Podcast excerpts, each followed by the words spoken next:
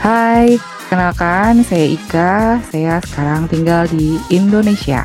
Dan gue Didi, gue tinggal di Kanada. So, karena kita adalah dua sahabat yang terpisahkan oleh benua, jadi kita kepikiran kayaknya lucu ya kalau saya yang ngobrolin soal hidup di Indonesia versus Dan di Kanada. sama di Kanada. Terus kita kepikiran deh uh, punya podcast buat ngobrolin hidup di sini dan di sana dengan nama AMPM. Soalnya di sini lagi malam nih. Jadi di sana lagi Pagi. Atau di sini malam, di sana pagi.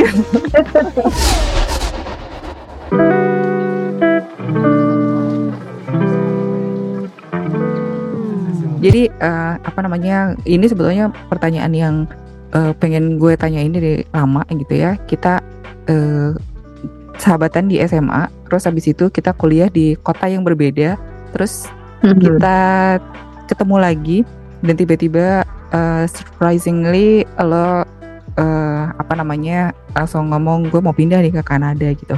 Ah gue yang ngomong oh my god. Apa sih yang ada di pikiran lo waktu itu ketika memutuskan untuk uh, I have to move out to Canada Wow, itu nggak dadakan loh. Itu sebenarnya udah lama. Itu proyek gue untuk tinggal di luar tuh sejak gue SMA kali ya. SMP deh. Kayak gue emang kayaknya I don't feel like I belong in Indonesia gitu. Bukannya sombong, bukan apa. Cuma gue ngerasa soul gue tuh nggak di sana dari dari dulu. Um, banyak ke perbedaan. Iya lo tau kan gue agak-agak orangnya agak-agak ajaib ya sebenarnya dari SMA gue suka berargumentasi sama guru-guru misalnya. Dan sampai sekarang pun gitu gue merasa banyak jawaban yang nggak gue bisa dapatkan dan nggak gue nggak nggak apa nggak satisfactory for me. Mhm. Eh, akhirnya gue merasa bahwa selama sepanjang adolescent gue di sana di Indonesia gue merasa gue I don't belong here I just wanna move out. Gimana caranya? Tapi bokap gue nggak setuju gitu kan. Nanti kamu tinggal nunggu deh kamu udah pu- punya suami yang gini-gini aja kamu keluar negeri gini-gini jangan sekarang gitu. Oke masih belum belum restuin gitu kan. Akhirnya oke Mhm. fine. Sampai pada suatu saat eh gue punya anak. Nah itu benar-benar trigger yang paling luar biasa. Em, jadi gue punya anak em, ada kesempatan eh gue untuk sekolah pertama kali kan untuk eh, beberapa negara gue tuju untuk eh, Hmm. keluar dari Indonesia karena eh, gue lihat waktu itu em, tempat sekolah anak gue tuh mereka mereka masih masih play play group ya namanya Mm-mm, preschool tuh mm-mm. play group kan Mhm. itu nggak kondusif banget gitu ya menurut gue banyak eh, namanya sekolah yang berbasis agama cuman kok banyak terpolusi sama ya yang apa sih namanya demonstrasi lah apa Mhm. gitu gue sedih gitu loh gue mesti jemput mereka terus mereka nanya mom itu kenapa pada teriak-teriak? Ada loudspeaker gitu kan. Terus Mhm. wah jadi uh, this is not for you to live. This is not the place for you to live gitu. Terus akhirnya gue semakin semangat tuh. Gue gimana caranya gue pindah dari negara ini? Terus gue bangun juga karena gue tinggal di apartemen dulu kan. Jadi gue tinggi kan gue bisa lihat yang namanya polusi tuh tebel banget gitu kan. Tambah lagi nih polusi udah polusi agama polusi politik polusi udara Mhm. Kayaknya gue gak sanggup deh. Gue semakin soul gue semakin jauh dari Indonesia waktu itu. Jadi kesempatan pertama gue dapet eh gue itu juga nggak langsung dapet gitu. Gue pertama kali gue apply untuk eh, PR untuk di Manitoba karena teman gue yang tinggal di Hmm. sana. Setahun gue nunggu gue nggak dapet. Mhm. Eh, terus gue eh, apply lagi untuk eh gue cuma masuk kan lewat sekolah gitu ya. Mhm. sekali nggak dapat juga. Karena nggak masuk ternyata nggak nggak ada hubungannya gitu eh pas gue coba lagi gue ketemu sama agen pendidikan gitu gue ngobrol terus kamu mau sekolah lagi gitu. S3 nggak mungkin dong anak kamu masih tiga masih kecil-kecil pula gitu kan. Mhm. udah sekolah yang gampang aja gitu. Akhirnya gue ambil sekolah yang gampang yang college gitu. Dapat gue akhirnya. Udahlah langsung yes akhirnya kesempatan gue gitu kan. Gimana caranya gue keluar akhirnya gue dapet. Mhm. Uh, itu juga masih dalam uh, pakai studi permit kan. Studi permit jadi cuman selama dua tahun gitu. Mhm, mhm. Gitu nah setelah dua tahun lanjut work permit habis itu bisa dapat lagi uh, PR gitu jadi ada tahapan-tahapan yang nggak langsung yang permanently stay here or live here forever gitu Wah. itu awal-awalnya seperti itu Iya sih, kayaknya dulu tuh memang pas lagi SMA kita pernah ngobrolin soal itu ya dan karena kita memang Hmm. kayaknya nyambungnya juga karena kita sama-sama agak-agak agak-agak berbeda gitu. Iya kan?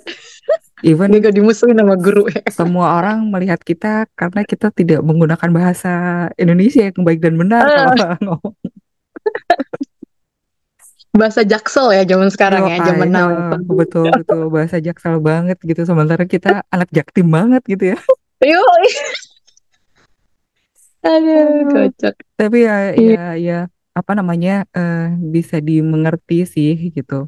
Gue pun Hmm. juga sebetulnya kan juga punya cita-cita untuk untuk tinggal di sana gitu ya. Hmm, tinggal hmm, hmm. tidak di Indonesia gitu karena ya dengan wah kalau seandainya ngomongin polusi dan sekarang-sekarang nih kalau seandainya ngomongin polusi ampun banget kan di Iya, Jakarta betul. lagi kayak begitu gitu kita nggak bahkan nggak bisa lihat langit kemarin tuh ngeliat langit Oh, ngeliat awan gitu tuh rasanya kita udah bahagia banget gitu. Wah akhirnya oh ya kelihatan Allah. ya gitu.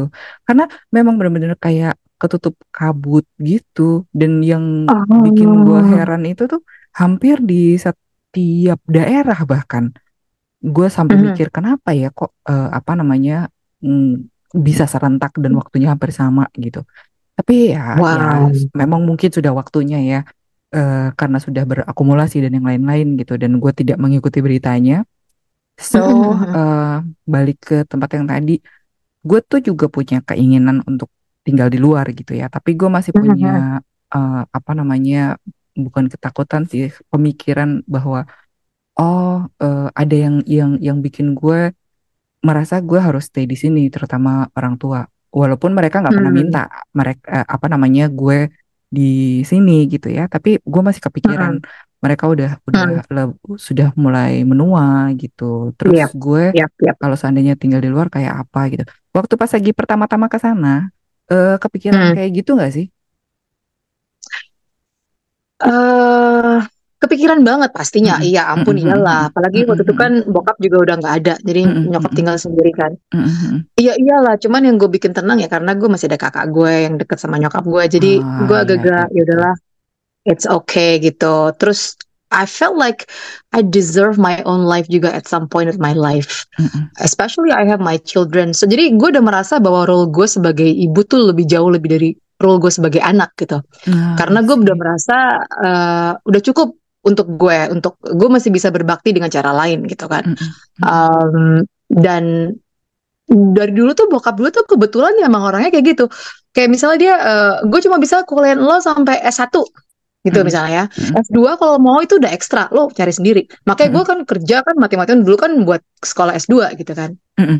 Eh, jadi eh karena gue, mereka bilang karena gue juga punya masa tua, gue juga pengen hidup yang enak dong gitu. Gue juga Mm-mm. pengen nabung buat masa tua gue. Dibilang gitu. Mm-mm. Jadi gue dari situ gue mikir kalau mereka bisa gitu, kenapa gue juga nggak bisa gitu? Ya nggak. Orang kan banyaknya, apalagi beberapa kultur yang di terutama negara-negara di timur yang gue lihat itu, mereka sangat amat kayaknya takut banget meninggalkan itu karena kayak lo juga gitu kan, karena Mm-mm. takut eh, meninggalkan orang tua gitu kan.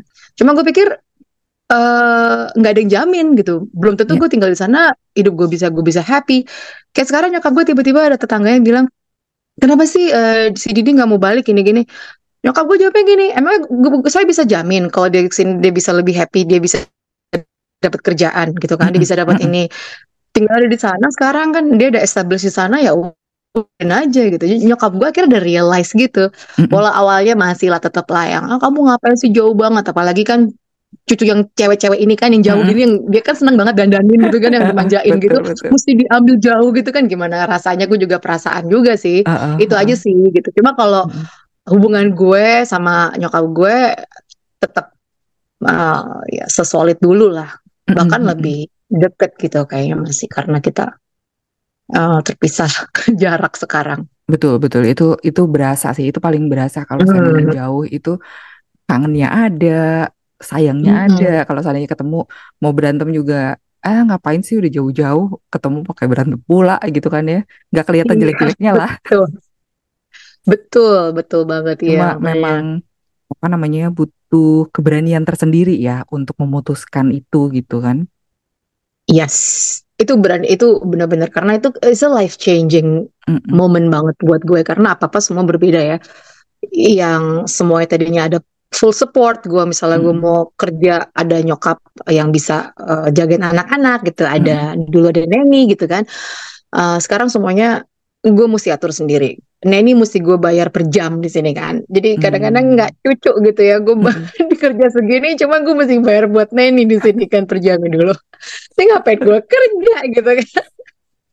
Mendingan ya udah gue gak usah kerja gitu Um, tapi itu proses sih proses dan Mm. sama seperti semua imigran gitu ya um, Mm. semua prosesnya tuh panjang apalagi di Kanada gue nggak tahu ya di sini sistemnya semua serba bukannya apa ya lama gitu ya gemes Mm. gue kadang-kadang suka gemes ya kayak misalnya gue nyampe sini gue nggak bisa langsung nyetir gue mesti ada eh, apa namanya punya penyesuaian SIM dulu gitu kan Mm. gue mesti ambil kalau gue tinggal di Ontario jadi gue eh, namanya G1 G2 sampai full G Mm. itu ada aturan-aturannya. Kalau G1 lu nggak bisa nyetir langsung, lu mesti ada yang dampingin lo, gitu kan. G2 lu Mhm. bisa nyetir, cuman lo eh, bedanya cuman lo nggak bisa minum alkohol gitu kan sambil nyetir. Mhm. siapa juga sih, iseng juga.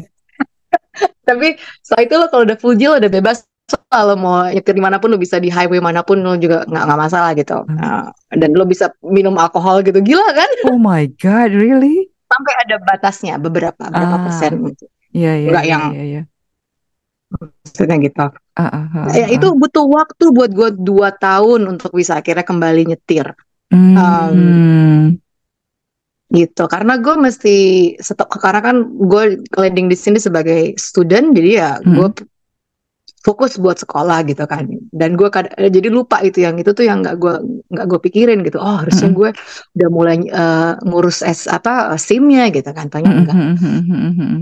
Dan lu kebayangkan caranya gimana rasanya pindah dengan buntut yang banyak gitu kan, terus kehidupan yang baru. Plus gue eh, waktu itu kuliah gitu kan, jadi wah luar biasa. Apalagi anak-anak gue masih kecil banget kan, masih empat tahun. Hmm, hmm, Setiap gue tinggal kuliah, setiap gue tinggal kerja itu yang tangisan drama tak berujung itu selalu ada gitu. Jadi gue sedih banget ya Allah. Aduh, Mana nem- anak-anak anak lagi ya, nggak cuma apa namanya, nggak cuma dua tapi tiga dengan usia yang Tapi sama. dengan yang sama dengan anxiety yang sama. Iya, Ini satu yang men- men- menurut gue juga perlu di apa eh, menarik untuk di em, diceritakan. Mm-mm. Mereka punya anxiety yang luar biasa waktu mereka tinggal nyampe sini.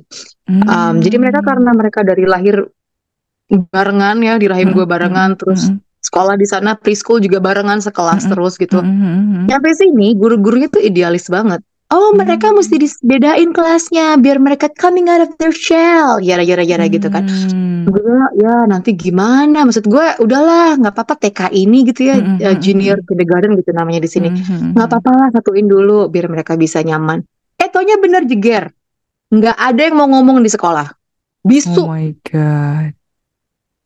Karena dipisahin Selama untuk pertama tahu. kalinya ya. iya uh-uh.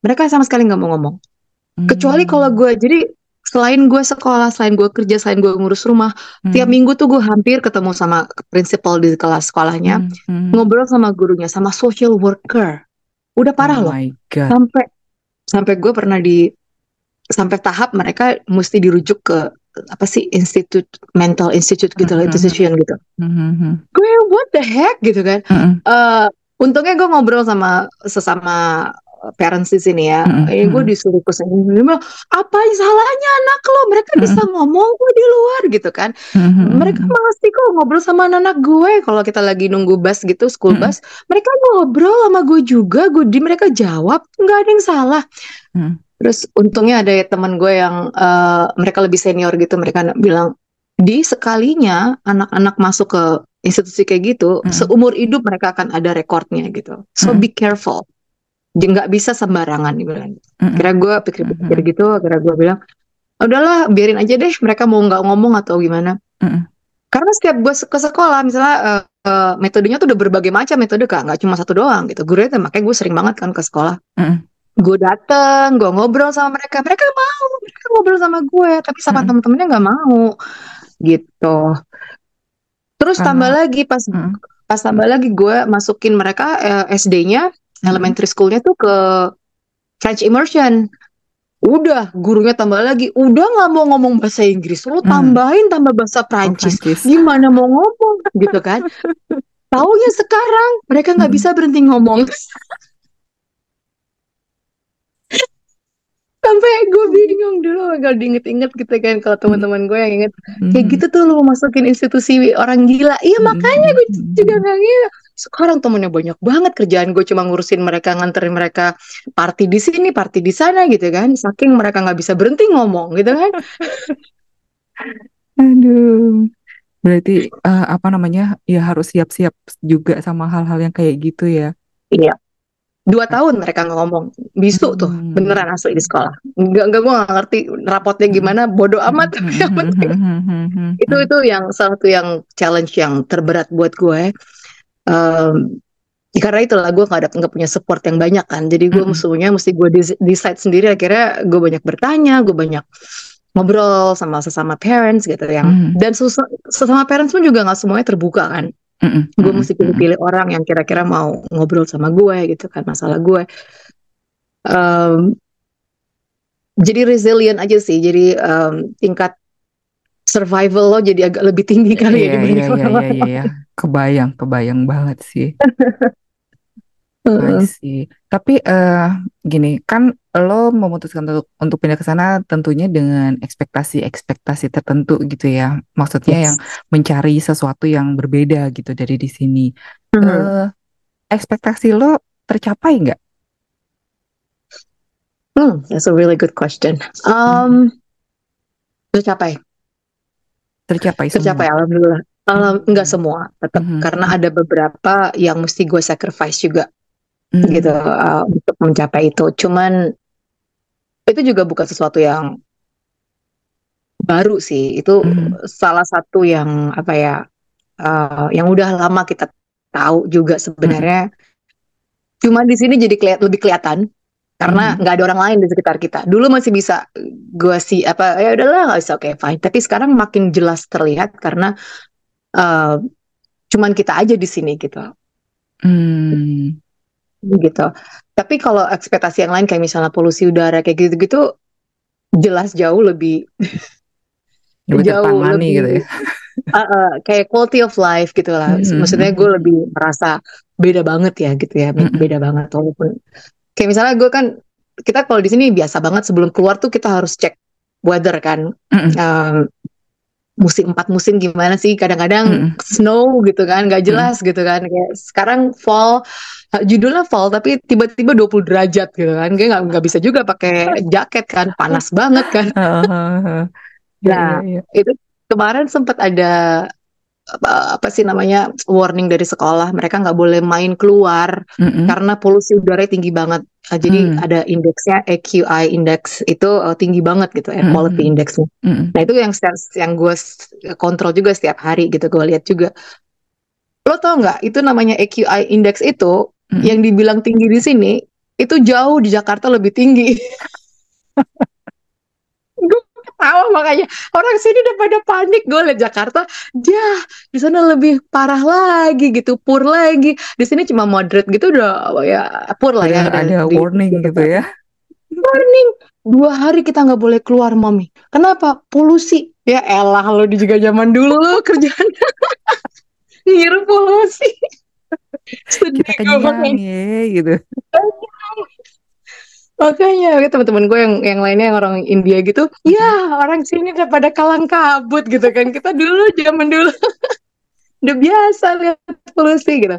Itu yang itu yang salah satu achievement yang gue merasa oh alhamdulillah gitu ya. Heeh. eh, sama sama apa namanya kayak banyak yang lainnya juga lebih kayak kestada- kesetaraan kayak Mm-mm. apalah itu kayaknya gue merasa lebih nyaman juga tinggal di sini gitu See. karena yang gue bilang tadi itu everything you have to do yourself kan Heeh, from iya, running iya, to iya, getting your kids from school from school bus stop gitu from from from school even gitu Mhm, to lesson this lesson that lesson mhm. Party. um, ya kan belum party ya tiap Mhm. Sabtu Minggu tuh kadang-kadang gue gila ya gue tuh bener-bener gak punya social life ya gue cuma nganterin mereka berkuda udah gitu nanti gue balik kadang-kadang gue nunggu di di di mana di di library karena kan Mm-mm. atau nggak sambil belanja. Empat jam loh mereka kan kalau berkuda. Mhm, mhm, terus.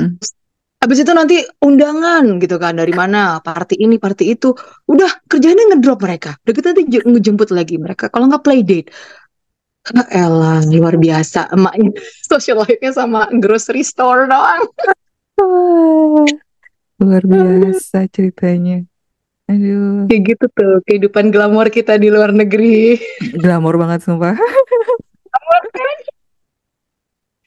belum yang namanya grocery itu ke, ke perasaan gue ini gue udah kayaknya pengen nabung nih minggu ini. Ah gue nggak punya apa-apa. Taunya Mm-mm. juga gue anak gue kan lagi doain-doain makan ya. Mm-mm. udah buka lemari kok nggak ada ini? Kok nggak ada itu? Susunya habis kan nggak ada? Iya lari lagi ke grocery store. Kalau beli susu kan nggak cuma beli susu doang ya. Ah lihat yang lain lagi. ya gue beli juga sekalian gitu kan. Eh, di sini eh di sana berarti nggak ada itu, nggak ada Tokopedia nggak ada. gitu. nah Ah, itu itu ah, ada ada ada ada ada hmm, oke oke oke. tapi mahal tapi mahal Ah, kayak apa sih namanya Uber Eats atau ah, see, see, I Instacart gitu ya Berarti kebalikan sama di sini ya. Kalau di sini kan misalnya kita beli toko online itu eh, bisa aja harganya bisa lebih murah gitu. Dan kalau gue Hmm. toko online itu penyelamat untuk nggak lihat barang-barang yang lain.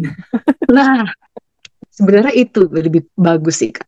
Apa gue biasain aja gitu kali ya, Instacart gitu ya. That's a good idea. Heeh. Soalnya itu Hmm.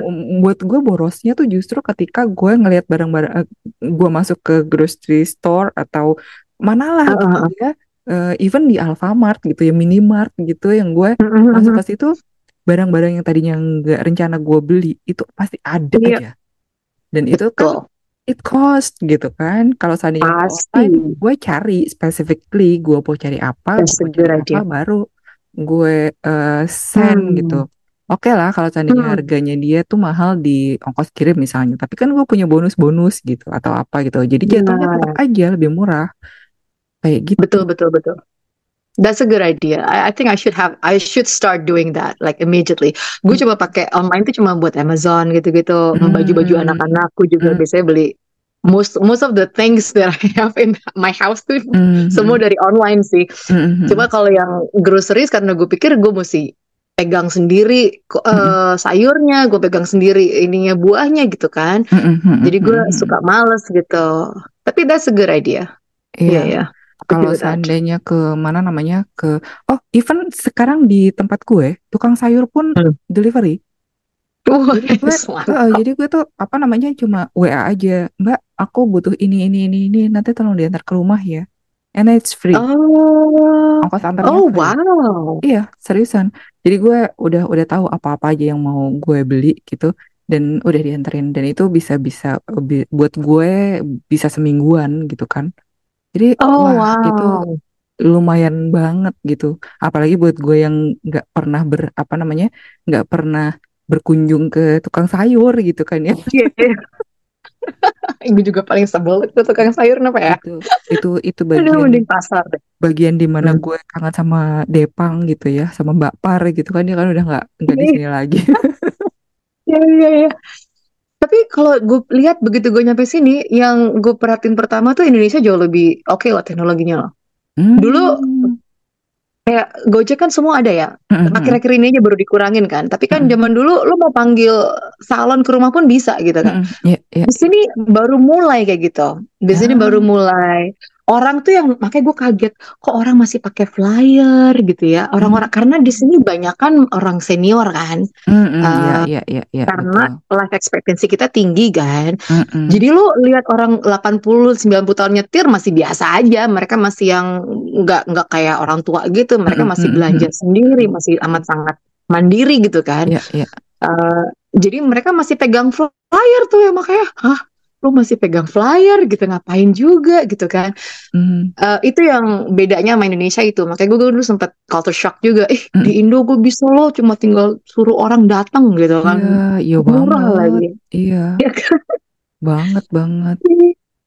Makan juga gitu kan, nggak nggak. Makanya gue Mm-mm. sekarang paling cuma nunggu-nunggu ada diskon baru nih DoorDash gitu baru gue uh, itu juga gue gue pick up karena kalau misalnya gue Ah, delivery kan iya, again it iya, cost iya, much dan cost. belum Heeh. tipnya gitu kan. Mm-mm. Ya, walaupun gue juga baru tahu ternyata di sini GoFood itu kalau eh, gue beli di stallnya sendiri ternyata memang lebih murah gitu. Tapi gue pikir ya Oh, daripada gue jalan gitu ya kalau lo kan nyetir oh iya. kalau gue kan enggak kan Mm-mm. daripada gue berkeringat berjalan ke mana-mana mending gue bayar aja orang ke sini toh nggak semahal gue nyuruh eh, apa namanya ojek pangkalan misalnya kayak gitu itu sih Oke, oke, oke. dan kupon kan again kalau kita Nah, banyak belanja kan lebih banyak kupon kan itu Iya, andalan iya. gue tapi emang jauhnya emang lebih murah ya makan di sana juga tetap kalau ya dipikir-pikir gitu, ya Ya, kan? adek gue tuh eh, kalau kalau dia kan memang bawa motor, jadinya gue bilang eh, Oke. dia bilang eh, gue mending beli ke sana gitu. Ya lu kan enak gitu. Sementara gue Mm-mm. mesti bayar gojek ke sana. Jadinya Iya, mendingan gue minta sekalian dianterin Sekalian. aja ke sini gitu. Hmm, hmm, hmm, hmm. Wah, Ya itu ngomongin makanan tuh kalau lagi lagi ngidam sesuatu, untungnya sih gue nggak terlalu uh, foodie-foodie banget gitu ya.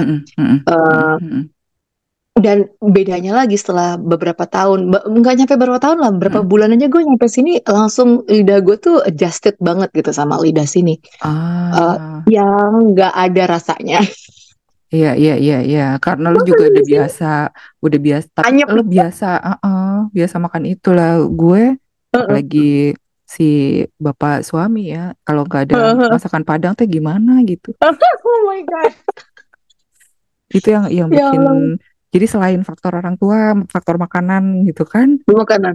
mana Iya benar-benar. kalau seandainya rendang nggak ada gitu di sana kan nggak bisa Tapi bisa bawa kok. Bisa sih, uh, ada sih uh, rest apa uh, supermarket as- untuk Asia Asia ada sih Hmm, banyak banget. mm, Dan itu juga ada grade-nya gitu. Ada yang mm, mm, grade yang nggak ada lengkap, ada yang satu aisle isinya cuman uh, untuk produk Indonesia juga ada gitu. mm, termasuk Lengkap bumbu banget rendangnya gitu. juga ya Bumbu rendang ada tetap. Lo mau Mm, buat from scratch juga bisa gitu kan. Temen gue pernah ajarin, cuma gue mm, gila ya. Gue nggak segitu fan- fanatiknya rasa gitu. Nggak apa-apa. Gue udah alhamdulillah kalau yang dari Walmart pun gue juga udah suka. Yang penting mirip-mirip gitu. iya Gue nggak, iya untungnya gue iya nggak serewel itu gitu. Anak-anakku juga.